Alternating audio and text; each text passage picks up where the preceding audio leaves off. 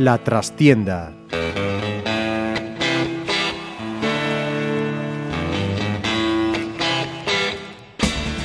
Saludos amigos, os habla Ramiro Espiño en nombre de todo el equipo. Comenzamos una nueva edición de La Trastienda en Pontevedra Viva Radio desde nuestros estudios en la calle Michelena de Pontevedra.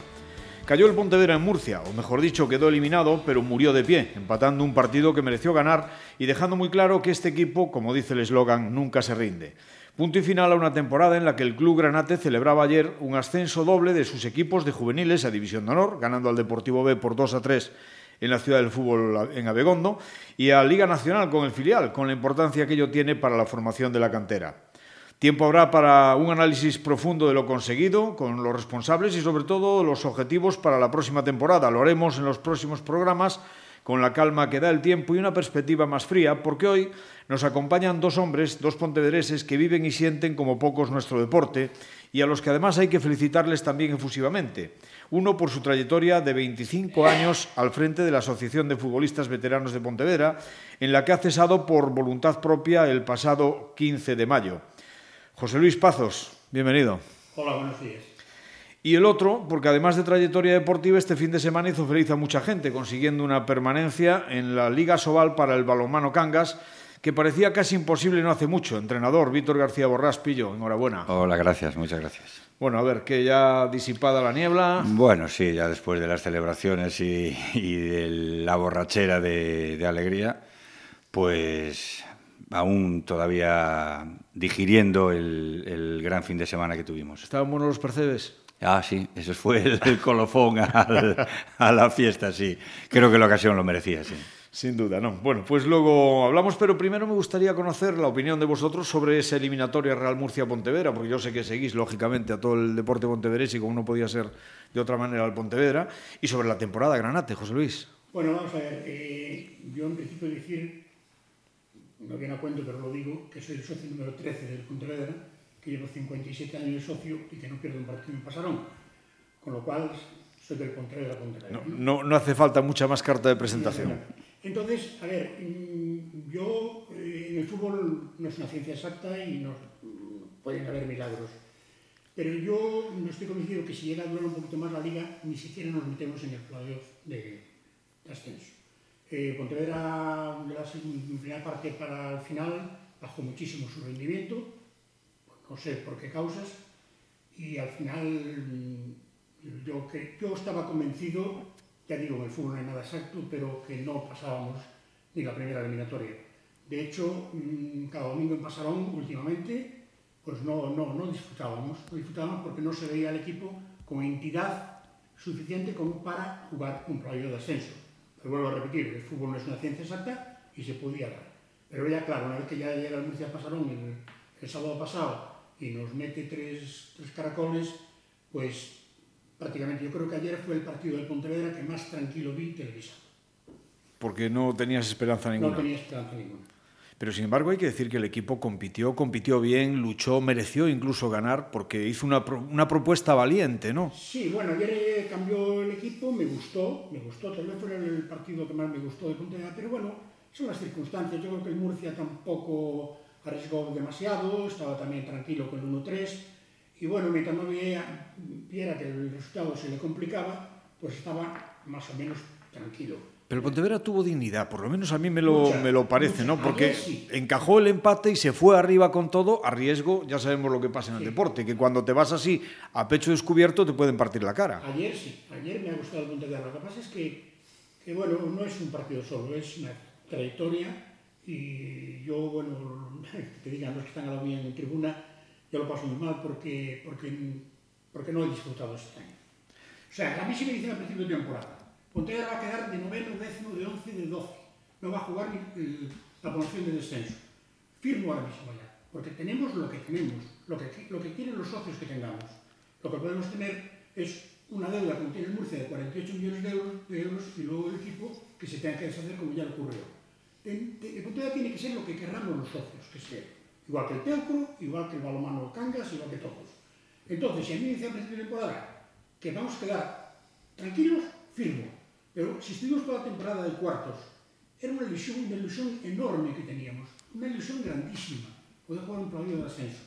Pero yo al final te digo, Ramiro, que no, no estaba convencido de que pudiéramos pasar. ¿Pero no crees que el Pontevedra quizá en la temporada eh, estuvo por encima de sus posibilidades reales incluso en cuanto a clasificación final? Totalmente, totalmente, porque los domingos de Pasarón, yo, es que ahora yo, yo ya digo muchas veces que yo no entiendo de fútbol, y llevo desde los tres años en el fútbol. non entiendo porque yo non, non me explico como a Pontevedra podía estar de cuarto. Os que os demás eran moi malos, os que Pontevedra foi sacando os partidos, pois, pues, non sei, aquella maneira, que, que un ahora mismo non te lo sacabas de... Pero aquí os equipos venían a pasarón e tácticamente e técnicamente nos sacan un baño. Nosotros non, vamos, no nos vamos de uno contra uno. A nosotros de cabeza, delanteros, sacando Mario Barco, non tenemos un delantero que vaya de cabeza. Nosotros, en medio del campo, pues cuando Kevin está un poquito, pero... Pero la, la fe mueve montañas y este equipo en fe estuvo sobrado, eh? En fe sí, y, eh, y en eso é que sacarse o sombrero. Pero luego también tenemos que pensar una cosa, el Pontevedra no es un equipo profesional, es un equipo semiprofesional. Jugadores estudian o trabajan, el entrenador trabaja por la mañana, entonces eso tendremos que tener lo que queramos los socios. Igual que ahora el Teucro, que tamén, como sabes, pues, un socio de toda la vida, que directivo muchos años, pues tamén, ¿qué va a pasar en la Sobal? Pues, ¿qué va a pasar en la Sobal? Por lo que querramos los socios. Lo que queramos los socios. Eso nos lo va a decir Pillo dentro de un rato también. Y, y, Pillo de fe sabe mucho también. pues mucho. Si mueve montañas, dicen. Yo la, la, perspectiva desde fuera, yo no soy, a mí me gusta, yo vi el partido ayer del Pontevedra, por ejemplo, y creo que hizo un buen partido, un buen partido. La trayectoria del año, eh, todo esto depende de, de, de muchas cosas. En el deporte no es ciencia exacta, pero casi. Entonces, si, si el Pontevedra hizo un equipo este año para mantenerse y se mete en el playoff, obviamente es, un éxito deportivo. Eh, después, como eh, Pazos tiene razón, efectivamente las temporadas son muy largas y un equipo es imposible, nadie mantiene los 60 partidos en la misma línea, hay altibajos, porque sobre todo es en equipos que... que están cogidos con pinzas o con muy poco porque no hay presupuesto, una lesión, un momento de baja forma de un jugador, al equipo le puede hacer un poco de altibajos. Pero yo creo que en general el Pontevedra hizo una buena temporada porque no hizo más de lo que en principio se presuponía. Y eso yo creo que es la lectura. Yo no voy a pasar aún, no sé si juega bien, juega mal, pero yo creo a nivel de resultados que esto, y desde luego ayer hizo un partidazo. Que eso también plantea dudas, que en el fútbol estas dudas no las hay en el balonmano, por ejemplo, ni en el baloncesto. Los partidos salen a por los equipos, o los equipos salen a por los partidos. Uh -huh. Y en fútbol hay mucho racaneo a veces. Sí. Y se juega a esperar, y se juega a ver qué pasa, sí, pero eh, y se juega... lo hizo, evidentemente. Entonces, eh, habría que plantearse... Eh, yo no vi el partido de Pasarón, no sé si el Pontevedra fue a por el partido de inicio, pero eh, incluso en equipos, en partidos de primera división, en fútbol no es raro ver equipos que juegan esperando a ver qué pasa. Ya los partidos hay que ir a ganarlos, siempre. O casi siempre. Y en fin, yo creo que en, en el sentido en general el Pontevedra tiene que tener muy buena nota. Lo que pasa es que quizá al Pontevedra lo que le falta con respecto a otros como el Murcia, evidentemente, y eso yo lo decía ya la semana pasada, ¿no? Son cosas que se compran con dinero. Y el Murcia, por ejemplo, a pesar de la deuda salvaje que tiene, que le tiene casi casi al borde que si no sube eh, no sé lo que pasará, pero bueno, ese es su problema se ha gastado medio millón de euros, que es más que todo el presupuesto del Pontevedra para todo el año. Sí, pero yo creo que eso, eso es imperdonable, que pasen esas cosas en el fútbol, ¿no? que un equipo, un club que ajuste presupuesto, que, que le pague a sus empleados, que, que, no vaya por encima, que se tenga que enfrentar pues, a un club como este, que, que para mí eso es inaudito. Es que, obviamente, a este Pontevedra yo creo que hay una buena base de equipo pensando en seguir creciendo, ¿no? Con los pies en el suelo, no sé qué pensáis vosotros, pero que a lo mejor si se consigue mantener un poquito el bloque y no volverse locos y hacer como hace años 14 fichajes nuevos y demás, este equipo con 3, 4 retoques, eso sí, tienen que venir a marcar diferencias. O sea, puede el año que viene pensar en algo más gordo. A ver, lo que antes, eh, Pontevedra será lo que querramos los socios, porque me hace mucha gracia cuando hay un partido con el Ecuador que se llena Pasarón Bueno, entre otras cosas, lo dejan pasar gratis a mucha gente y pues dan invitaciones. Pero cuando llega el invierno y cuando llega la temporada, pues estamos allí los, los mismos de siempre, ¿no? Entonces, con ese presupuesto es imposible. Yo lo que dije siempre, lo sigo diciendo, lo mantengo en red donde sea, que a un presidente de un club tenían que pedirle responsabilidades. Tú entras en el, en el Pontevedra, en el Teucro, en el Cangas, y tú entras con una deuda de 5 millones y cuando te vayas tienes que tener como mínimo esos 5 millones. Si tienes más, pues vas a tener que pagar tú. Sí. En teoría, las sociedades anónimas deportivas llegaron al fútbol para arreglar eso. En la práctica, ah. se van de rositas todos de los que dejan un pufo, ¿no? Los presidentes van de rositas y, ¿quién paga el pato? Pues la afición, porque al final pues quedamos en el equipo, en el balonmano, en el teucro, en el fútbol sala, en el Pontevedra, o lo que sea. Entonces, ahí ya. Y luego eso, eh, es un éxito, claro que es un éxito rotundo, lo dije antes lo voy a repetir, el Pontevedra es un éxito. Lo que pasa es que, imagínate la ilusión nuestra está toda a temporada de cuartos e pode jugar un playoff. Imagínate que ascendemos a segunda. Bueno, yo, ya no, yo he vivido las etapas de tercera, segunda, primera, volver a la segunda, volver a primera. Bueno, es que eso para la ciudad, para todos, es una maravilla.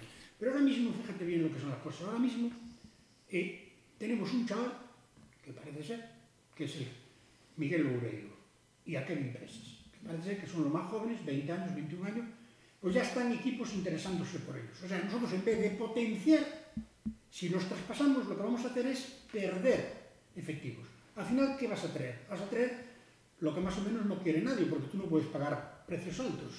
Entonces, o tienes mucha suerte y sacas de la cantera tres juveniles que, que destaquen. Por eso yo decía en la presentación, en la introducción, la importancia de lo, del doble ascenso de juveniles que ha tenido el club. Eso es básico. En equipos de economía de guerra es básico. Ahí Pazos tiene efectivamente razón. Nosotros en Cangas, la época buena que tuvimos estos años anteriores, fue porque conseguimos formar y, madurar jugadores que no tenían la calidad suficiente hasta que la tuvieron para irse a otros equipos, porque es difícil mantenerlos, ¿eh? porque el, el, pez grande siempre se come al chico, el de arriba le come al cangas y el cangas le come al de abajo y.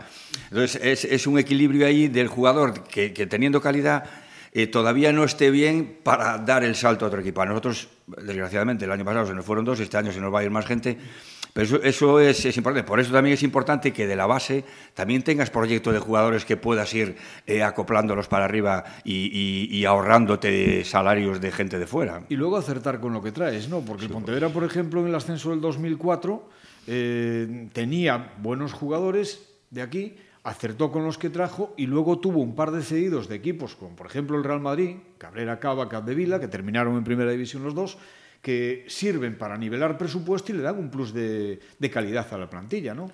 Sí, ahí es vital la figura del director deportivo, del director técnico que conozca sí, bien mí, el mercado. Es muy complicado. A mí me decía un, a mí me decía un entrenador de fútbol, decía, pero vamos a ver, Pazos, hablando de este tema, y vamos a ver, ahora nosotros resulta que en la Isla de la Rosa, por decir algo, vemos un juvenil que destaca.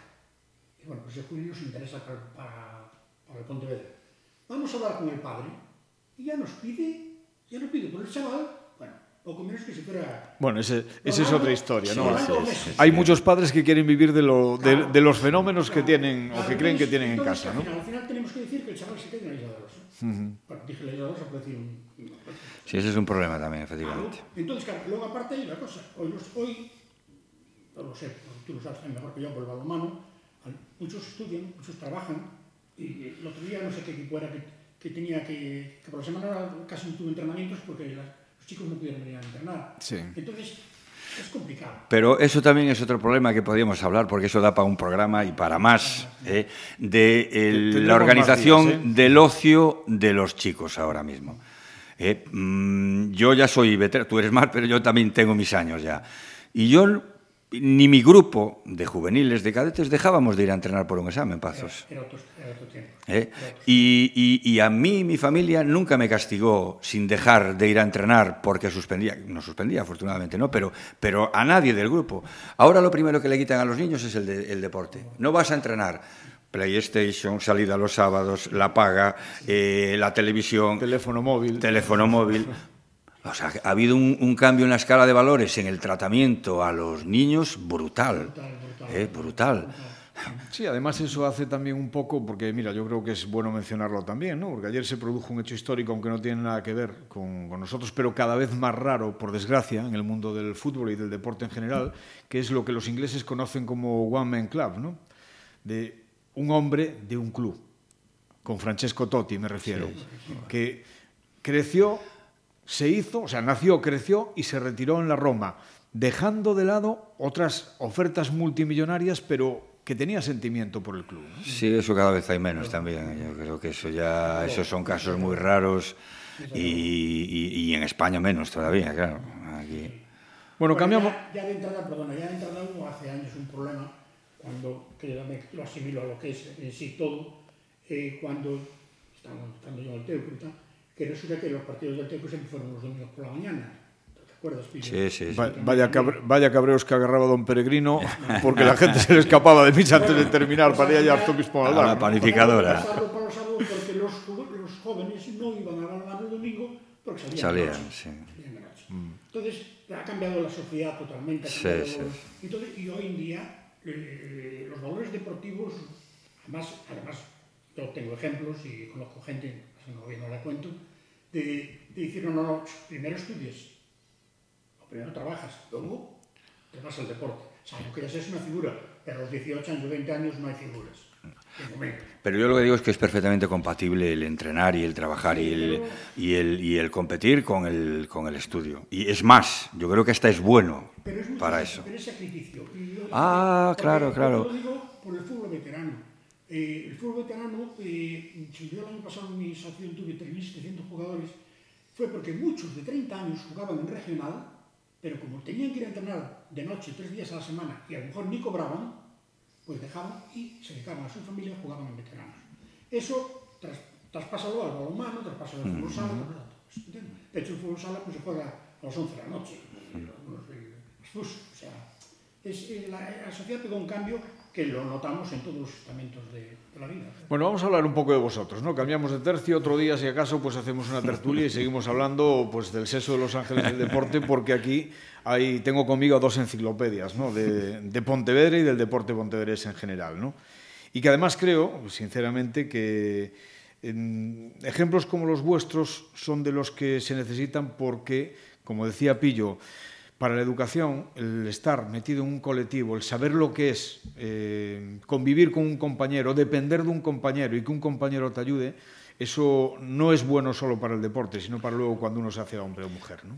Eso es una forma de vida, evidentemente. El, estar metido en un, en un, grupo, ser importante para el grupo, el, socializar todo lo que pasa, el, transmitirlo y compartirlo, eso es una escuela de vida. ¿no? Eso debería ser obligatorio en, en, las escuelas, ya hacer clubs federados como, hacía, como había antes en, el instituto, que ya desde los 10 años estábamos en un grupo. ¿no?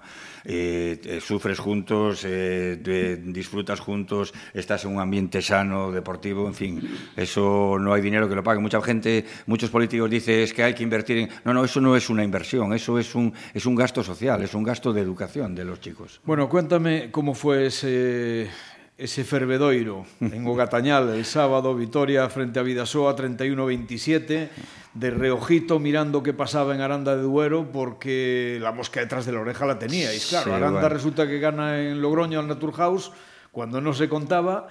Y hombre, Aranda, Ademar, no, bueno, cercanía. Eh, eh, efectivamente, Aranda llevaba desde octubre sin ganar en su casa y le ganó al tercero, ¿no?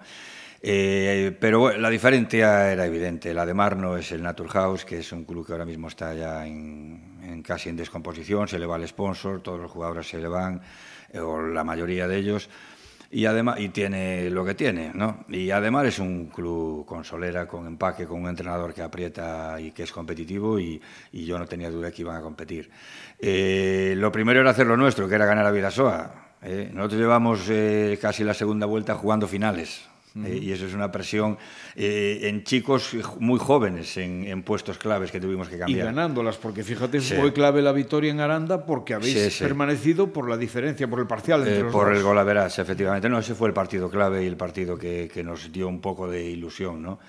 Pero como te decía, el año pasado perdimos tres jugadores veteranos muy importantes, con mucho peso en el equipo y nos vinieron tres chicos de 22 años, ¿no? que, sabíamos que íbamos a tener problemas, no tantos como los que tuvimos en la primera vuelta, pero que iban a tener madurez, ¿no? que iban a ir adquiriendo eh, madurez a paso agigantado porque, porque Asobal es muy eh, caníbal, ¿no? te, si te duermes te matan. ¿no?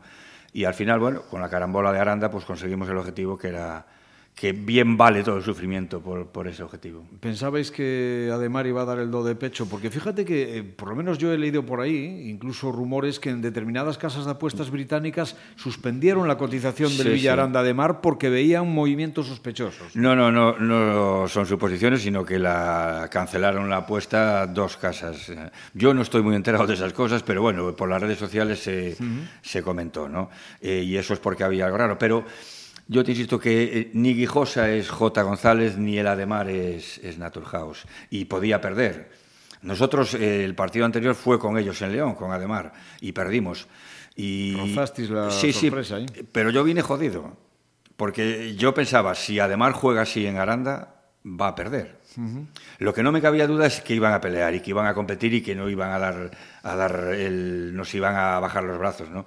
Pero de juego la verdad es que no lo viví en Ademar, en, en León y tenía ciertas dudas en ese sentido. En el otro no tenía ningún, ninguna duda. Mire, ¿y el monumento en Ogatañal a Camiña a ti cuándo lo hacen?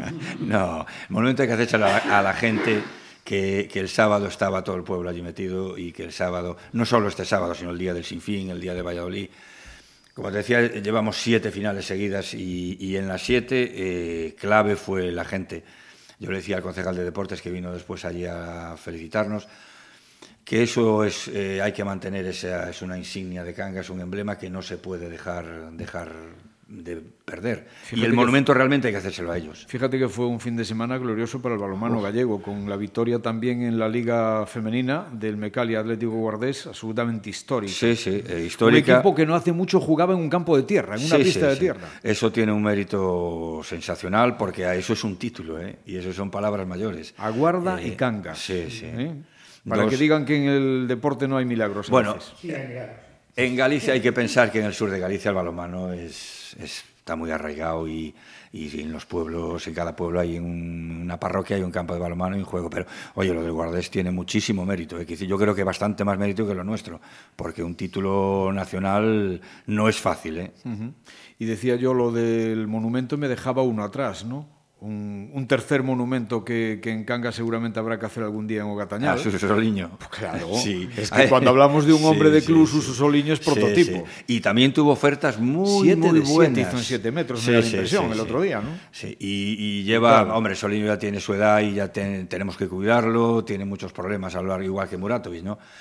Pero en los momentos claves es una garantía. Y te decía que, hablando de lo de Totti, que Suso sí también vale como ejemplo, porque en su época buena, en los 28 a los 32 años, tuvo ofertas muy buenas y de muy buenos equipos uh -huh. eh, para irse. Y él mantuvo fiel, obviamente, también, lógicamente, la mejora profesional también se produciría económica en el club. En aquel momento el Cangas era un, un club con dinero, pero quiero decirte que no abandonó el club nunca. Fíjate quién lo iba a pensar cuando tú y yo jugábamos todavía e íbamos a jugar a Cangas allí en la pista sí, que lavando sí, río, sí, frente al muelle, sí, y nos mudábamos en una casa improvisada. Enfrente, el balonmano ¿no? antes era para pioneros. y perdón, aquí intervenga.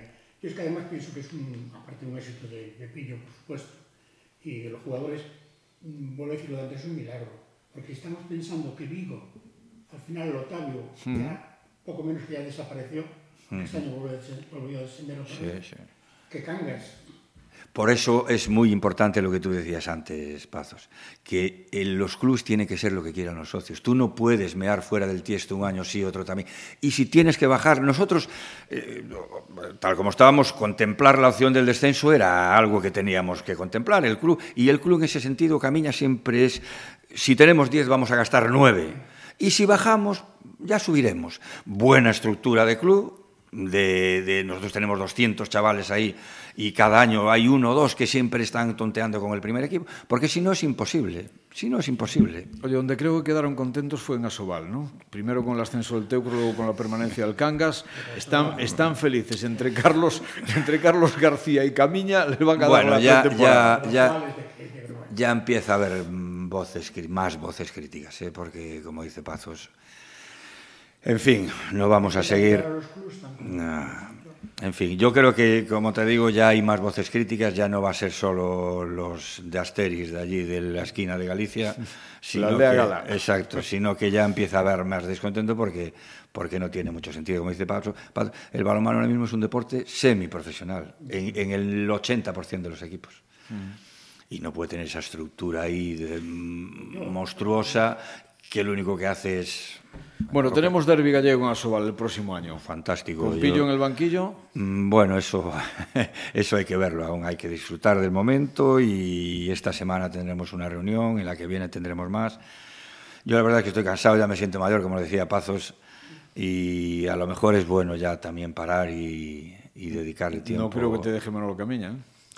Bueno, es muy persuasivo, la verdad. y no es por el tema económico, ¿eh? no, pero, pero yo creo que, que hay que darle. También la vida hay, hay, una vez solo. El problema es que después de 15 días sin balonmano a mí me entra un mono ya terrible, ¿no? Pero bueno, ahora mismo si me, me pone una espada en la pared, ahora estoy cansado ya. De... Mira, yo creo que eso nos pasa a todos, porque a mí me pasa también, y sobre todo antes que acudía a todos los viajes, desplazamientos, partidos fuera, en casa y demás, que cuando llega febrero, marzo y tal, estás deseando que acabe la temporada, se te hace mm, eterna. Sí. Pero luego resulta que llega mayo, junio, termina, mm. paras tres semanas E dices, coño, ya podía empezar. Sí. Eu creo que un pouco a todos, e a ti en todos, veteranos igual, te pasaría lo mismo, ¿no? A todos, a todos, todos. Eh, llega la época que estás, los que somos deportistas por naturaleza de toda la vida, yo hace poco lo decía, que aún, a mi mujer se cabreó porque el enfoque no era el que yo dije. Yo dije que para mí el deporte fue mi vida. Uh -huh. no, es que sí, yo, sí. no es que yo dejara lo demás de, de sí, hombre, no toda tu vida, pero una parte importantísima. Yo Sí, eso, eso es un veneno que se te mete ahí en el, en el cuerpo. ¿eh? Maravilloso veneno. Sí, sí, la verdad que sí. 15 de mayo, asamblea y después de 25 años José Pazos dejaba el timón de la Asociación de Futbolistas Veteranos de Pontevedra. 25 años que dan para cuántas cosas, José. Uh, pues podía escribir pues, mm, como los culebrones estos de la televisión que duran 200 capítulos. Porque habéis conseguido llegar a una cifra de clubs, yo creo que absolutamente impensable y complicada de manejar organizativamente. Bueno, cuando yo cogí la dirección de la, asociación, la presidencia, teníamos 42 equipos. Y el año pasado llegamos a 130. Yo, como digo siempre, no hice más que hacer una cosa que me gustaba. Yo no tengo mérito ninguno Yo hice una cosa que me gustaba, como cuando estuve en el Teucro, que recuerdo que llevaba el libro de socios a la playa para poner los socios al día. Yo, cuando estoy en un sitio, estoy porque me gusta y trabajo. Y no tiene más mérito que es trabajar. Entonces, si trabajas, eres honrado y honesto en tu, en tu forma de actuar, pues la gente al final te lo viene eh, reconociendo. reconociendo.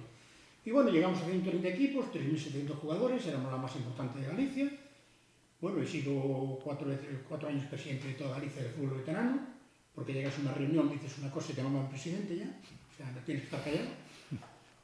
Y bueno, y llega un momento de la vida que decía Pillo antes, y yo también lo digo, que todo tiene un principio y un final. Pues eh, yo... Que te ha costado dar el paso, ¿no? Me imagino. Cuesta muchísimo yo voy a echar muchísimo de menos el fútbol veterano, muchísimo. Lo que pasa es que mm, si pones una balanza los pros y los contras, en este momento tengo más contras que pros. Porque este año que pasó, este año que acaba, que acaba de terminar, fue muy duro, muy, muy, muy, muy duro para mí. Y tengo 72 años. Y tengo Estás familia. un chaval. Sí, tengo familia. Y problemas personales los tenemos todos. Entonces llega un momento que no puedes pelear contra los clubs, contra los estamentos oficiales, contra el, los árbitros, contra tus propios compañeros de directiva. O sea, tienes que pelear contra todo el mundo, contra todo el mundo. Y llega un momento que dices, pero ¿para qué? Porque aún por encima de, de no llevarte nada, nada económicamente, resulta que sabe Dios qué hacen con el dinero y cuando están ahí es porque les interesa. Ya. Esto es la frase manida de todo el mundo. Cuando están ahí es porque les interesa uh -huh. y sabe Dios qué hacen con los cortos. Sí, sí. Yo creo que, que aquí eh, también tendríamos que empezar a, a, a, valorar la gestión de los directivos, ¿eh? sobre todo los directivos eh, amateurs, que no ya, sí, sí. y ahora, me, ahora lo está contando Pazos, que y yo me acuerdo de Camiña o de, de todos los directivos que pelean y casi como Don Quijote, ellos solos contra todo, y, y, y, y la mayoría de las veces la idea que se tiene de ellos es esa, cuando están ahí es porque algo les interesa que no digo que no haya de los otros también, ¿eh? que en primera división seguro que los hay. Ahora, en los pueblos, en las parroquias, seguro que no son de los de llevarse cosas. Yo estoy convencido de que les cuesta mucho dinero de su Sí, sí, sí, seguro. Lo que pasa es que a veces no lo decimos porque si no las familias sí que se cabrean. Pero bueno, en fin, eh, una terna de candidatos, Alfonso Álvarez elegido como nuevo presidente y un futuro que a mí se me antoja complicado, porque de cara a seguir por libre, hay dos aspectos fundamentales que yo creo que, posiblemente vayan a condicionar mucho el futuro más o menos inmediato de la asociación. ¿no? Uno, uno es la dificultad para encontrar seguros médicos, seguros de accidentes deportivos en condiciones y a precios asequibles, y otro es un poco esa especie de, de, de opostilo de interés por parte de la Federación Galega de Fútbol de querer englobar, absorber al fútbol veterano. ¿no? Pues ese es el, pues ese es el, el motivo principal por el cual yo no, no sigo. A ver, yo decía antes que tengo 72 años, pero yo mentalmente me encuentro muy bien. Yo seguiría cuatro años más en mi fútbol o, no sé, ayudando a la parroquia de donde fuera. Pero es que mmm, tú no puedes luchar contra los estamentos. Es imposible. Y tú, en el momento que el año pasado la Junta de Galicia saca un decreto por el cual obliga a que todo aquel jugador aficionado tenga que tener un seguro, no él, porque es que lo, yo creo que lo ideal sería que al jugador le obligaran a tener un seguro para practicar deporte. Pero un seguro, yo me hago un seguro y con este seguro voy a practicar balonmano, baloncesto, fútbol sala, bicicleta, lo que quiera. Pero no, obligan a que la persona que organiza o la asociación que organiza tiene que tener a sus participantes asegurados. Con lo cual, yo la año pasado fui a la Junta a hablar con ese tema, Hablé con, con, con 3.000 compañías, y nadie quería asegurar a la asociación con sus jugadores. ¿Por qué? Porque el que menos tiene tiene 30 años, pero los hay de 50, 40, de 60 y de 55. Gente mayor que ya tiene sus lesiones atrasadas. Entonces no hay compañía que quiera asegurar. De hecho, el año pasado, Orense, que tiene 98 equipos, se mm, aseguró con una compañía y unos días antes de empezar la competición, esa compañía le dijo que no podía, que habían dicho de la central de Barcelona mm. que no. Y al final tuvo que recurrir a la misma que teníamos nosotros este año que terminó, que era eh, la que tenía Vigo, la que teníamos nosotros y la que tenía Orense, y bueno, la que, la que teníamos todos, porque no hubo otra compañía que quisiera asegurar. Entonces, ¿qué pasa? El jugador tiene que, juega fútbol sala, paga un seguro. Juega fútbol 17, paga un seguro Juegan veteranos, pagan seguro. Entonces tienen que decantarse por una opción, porque hoy en día, tal y como está la vida, eh, la, gente no está para hacer seguros. Entonces, buscan la opción que más les interesa. Entonces, claro, ¿qué ocurre?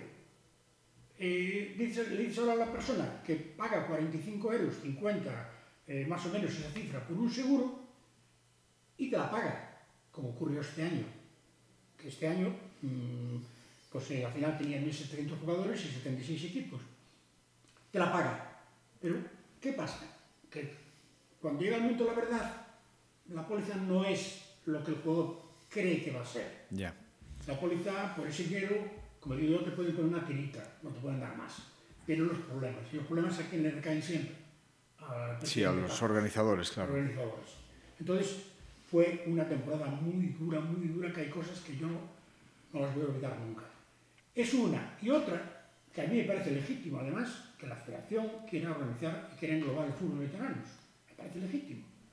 Pero, como les dijo yo en reuniones que tuve con ellos, vosotros ofrecéis eso y los, Asociación de Fútbol Veteranos, los profesionales, ofrecemos otra cosa. Pero claro, como está el tema del seguro por el medio, y aparte que los concellos le están poniendo trabas a los equipos, porque yo este año me encontré con muchas trabas de concellos. Para no utilización había, de campos, entiendo. Claro, por el problema del campo, que nunca me había encontrado con ese problema. Entonces, ¿qué ocurre? Que los equipos al final dicen, mira, la Asociación de Fútbol Veterano de Pontevedra ofrece esto, y la Federación Gallega de Fútbol Veterano ofrece esto. Y los equipos, pues mira, se van decantando por si la federación.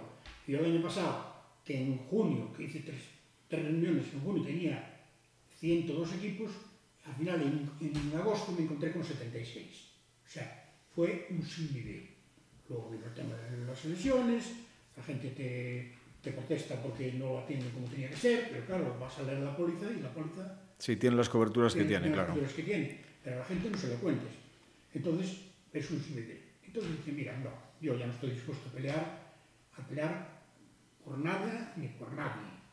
Y entonces por eso tomé la decisión, y como digo yo, todo tiene un principio y no tiene un final. También a mí me podía ocurrir que mañana me fuera a vivir para afuera, o que me viniera un, una desgracia, una enfermedad, y alguien tiene que coger las riendas. Pase lo que pase en el futuro, la labor de José Luis Pazos al frente de la Asociación de Futbolistas Veteranos de Pontevedra y también esos cuatro años de Galicia, eh, queda ahí y eso es un mérito que nadie te lo puede discutir. Eso es lo que te, tanto para Pillo, que está aquí conmigo, como para mí, lo que has hecho en esta vida eh, es lo que te queda para ti. No esperes nunca, por supuesto, agradecimientos de nadie. Si te los dan, pues bienvenidos sean. Pero no esperes agradecimientos. Vas a los sitios a trabajar porque te gusta, como cuando estuve en el Teucro, cuando estuve en el Fútbol Sala, cuando estuve en la Asociación Nacional de Farmacia, cuando estuve en mil sitios. Pues hora de disfrutar del deporte, que bien grado lo tienes. Pues eso es lo que quiero. Muchísimas gracias, y pillo lo mismo. Muchas gracias. Un placer y Un placer repito, también. quedáis emplazados para otro día, posiblemente ya a la vuelta del verano, y hablar cal- con calma y largo y tendido de, de la problemática del deporte, que de verdad que es un, un- merece la pena aprender de gente como vosotros. Y a todos los que nos escucháis, pues os dejamos con nuestra habitual despedida musical. Hoy queremos recordar al más genuino representante de la corriente que se ha definido como rock sureño. Este fin de semana fallecía Greg Allman, cantante, organista y compositor de los Allman Brothers Band, el músico de Nashville que desde la fundación de la banda en 1969 fue máximo exponente del blues rock. Este es su tema Midnight Rider, algo así, viajero de medianoche traducido al cristiano.